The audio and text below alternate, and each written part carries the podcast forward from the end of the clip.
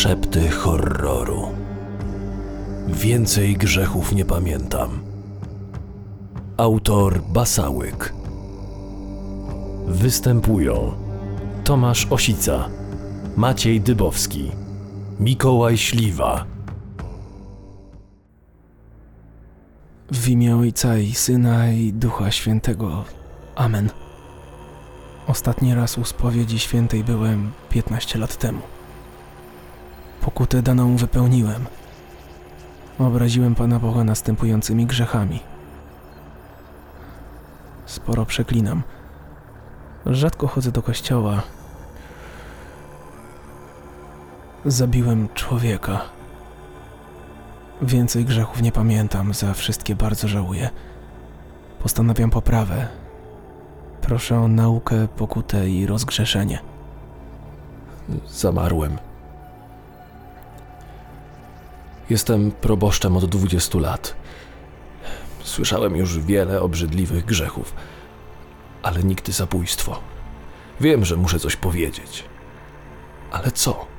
Jak mam na to zareagować? Jest tam ksiądz? Aż się wzdrygnąłem. Domyślam się, że tak po prostu nie usłyszę teraz. Odmów różaniec i idź w pokoju. Skoro już zdobyłem się na odwagę, żeby tu przyjść, a ksiądz i tak nie może nikomu o tym wspomnieć, to zrzucę z siebie ten ciężar i opowiem po kolei. Na pewno ksiądz słyszał, że tydzień temu znaleźli Martę Radecką martwą. Policja cały czas szuka sprawcy. No i aby go nie znalazła, bo to ja ją zabiłem.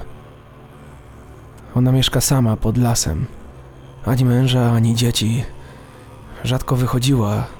Taki odludek. A że znaliśmy się od liceum, to kiedyś wpadłem na pomysł, żeby jej złożyć wizytę i dowiedzieć się, co słychać. Jak mnie zobaczyła, to okropnie się zdenerwowała. Zaczęła mnie wyzywać od śmieci, a potem zamknęła mi drzwi przed nosem.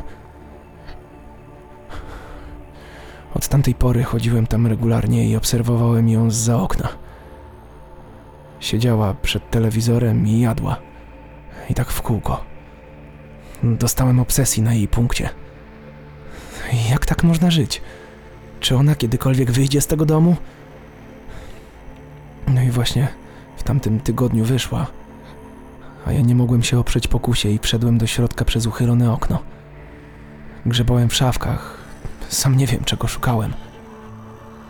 Nagle coś mnie uderzyło w głowę i upadłem na podłogę. Marta stała na środku salonu i krzyczała z całych sił. Ciekawe, czym mnie tak walnęła, że aż się przewróciłem. Kiedy znowu padło w moim kierunku słowo śmieć, coś we mnie pękło. Ona mnie w szkole traktowała okropnie. Ona i te jej koleżanki kpiły ze mnie, obrażały przy całej klasie. Wszyscy się ze mnie śmiali. Ta złość, która we mnie wrzała, na samo wspomnienie liceum, w tamtym momencie eksplodowała. Chwyciłem siekierę, która leżała obok kominka i uderzyłem w nią, aż została krwawa miazga. Uwierzyłem im, że jestem nikim. Nigdy nie poszedłem na studia, nie założyłem rodziny, nie znalazłem porządnej pracy. To wszystko ich wina. A Marta. A Marta była najgorsza. Zniszczyła mi życie. Poszedłem do niej pierwszy raz wcale nie po to, by pytać o samopoczucie. Chciałem usłyszeć przeprosiny. Kiedy poczułem ciepłą krew spływającą mi po policzkach i zobaczyłem jej zmaltretowane ciało, dotarło do mnie, co zrobiłem.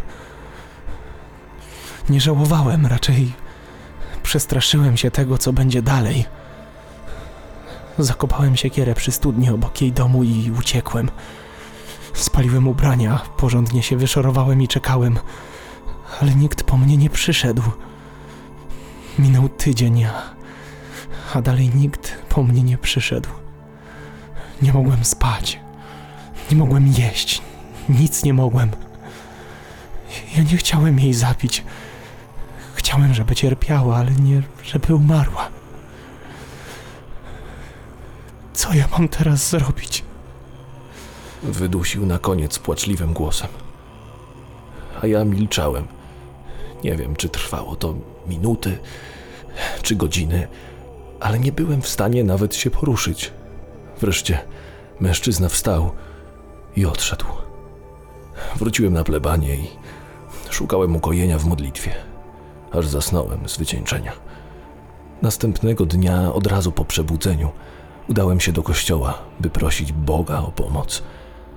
W zakrystii spotkałem wikariusza z przerażoną miną. Ksiądz proboszcz już słyszał, co się stało w nocy? Miałem bardzo złe przeczucie, słysząc taki wstęp. Rafał Matuszek popełnił samobójstwo. Tydzień temu zabójstwo Marty Radeckiej, teraz to... Źle się dzieje w naszej parafii. Mówił coś dalej o czarnych chmurach i sądzie ostatecznym, ale ja już nie mogłem go słuchać. Rafał Matuszek. To on wczoraj przyszedł do spowiedzi. Potrzebował wsparcia, a ja nic nie zrobiłem. Pozwoliłem mu odejść i odebrać sobie życie. Nie mogłem oddychać. Serce waliło mi jak oszalałe, a przed oczami miałem ciemność. Ocknąłem się na podłodze w zakrystii, słysząc lament wikariusza. Przekonałem go, że to zwykłe omdlenie z głodu, bo nie jadłem śniadania i że nic mi nie jest. Natychmiast pobiegł po kanapki, ale ja nie byłem w stanie nic przełknąć. Przeze mnie nie żyje człowiek. Co powinienem teraz zrobić? Musiałem wyjechać, odciąć się od tego wszystkiego. Nie dość, że czułem się odpowiedzialny za samobójstwo, to jeszcze policja dalej nie odkryła, kto stał za zabójstwem Marty. Ja nie mogłem zdradzić tajemnicy spowiedzi nawet po śmierci Rafała. Zadzwoniłem do znajomego proboszcza, z którym czasem wymieniamy się parafiami. Chętnie zgodził się na tydzień w mojej malutkiej i według niego spokojniejszej miejscowości. Chyba powinienem mu wspomnieć, co się u nas wyprawia, ale bałem się, że zrezygnuje z przyjazdu. Miałem nadzieję, że po przybyciu 300 kilometrów odnajdę spokój. Najpierw oczywiście poszedłem do tamtejszego kościoła, gdzie trwał wieczorny różaniec. Rozejrzałem się po wiernych i zamarłem. To był on. Klęczał, jak gdyby nigdy nic. Podszedłem bliżej. Nogi miałem jak z waty, kręciło mi się w głowie. Z bliska mężczyzna ani trochę nie przypominał niedawnego samobójcę. Nie jest ze mną dobrze. Od tamtej pory zacząłem widywać go wszędzie, gdziekolwiek się nie udałem. On tam też był. Potrzebowałem pomocy. Sam sobie z tym nie poradzę. Postanowiłem wrócić do siebie i udać się na miejsce zbrodni, gdzie zamierzałem błagać Boga o ukojenie. Wszędzie były policyjne taśmy.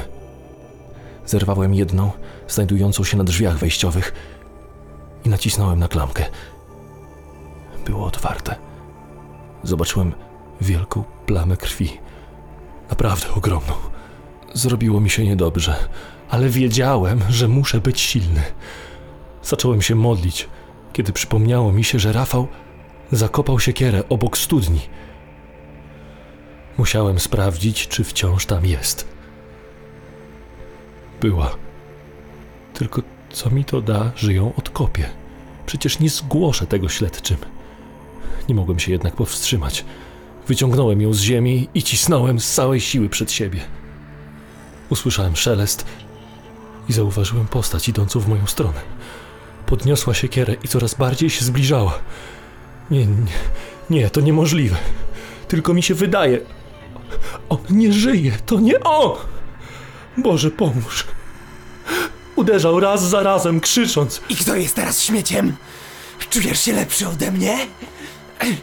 Uważasz, że zasługujesz na szczęśliwe życie? Bóg cię kocha?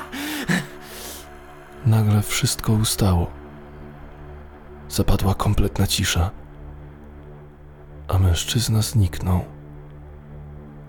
Siedziałem z nogami wyciągniętymi do przodu i siekierą w ręce. Moje uda były całe poszarpane. Z płynęło mnóstwo krwi. Zrozumiałem, że nikogo prócz mnie tam nie było. Sam to sobie zrobiłem. Czułem, jak dusza opuszcza moje ciało.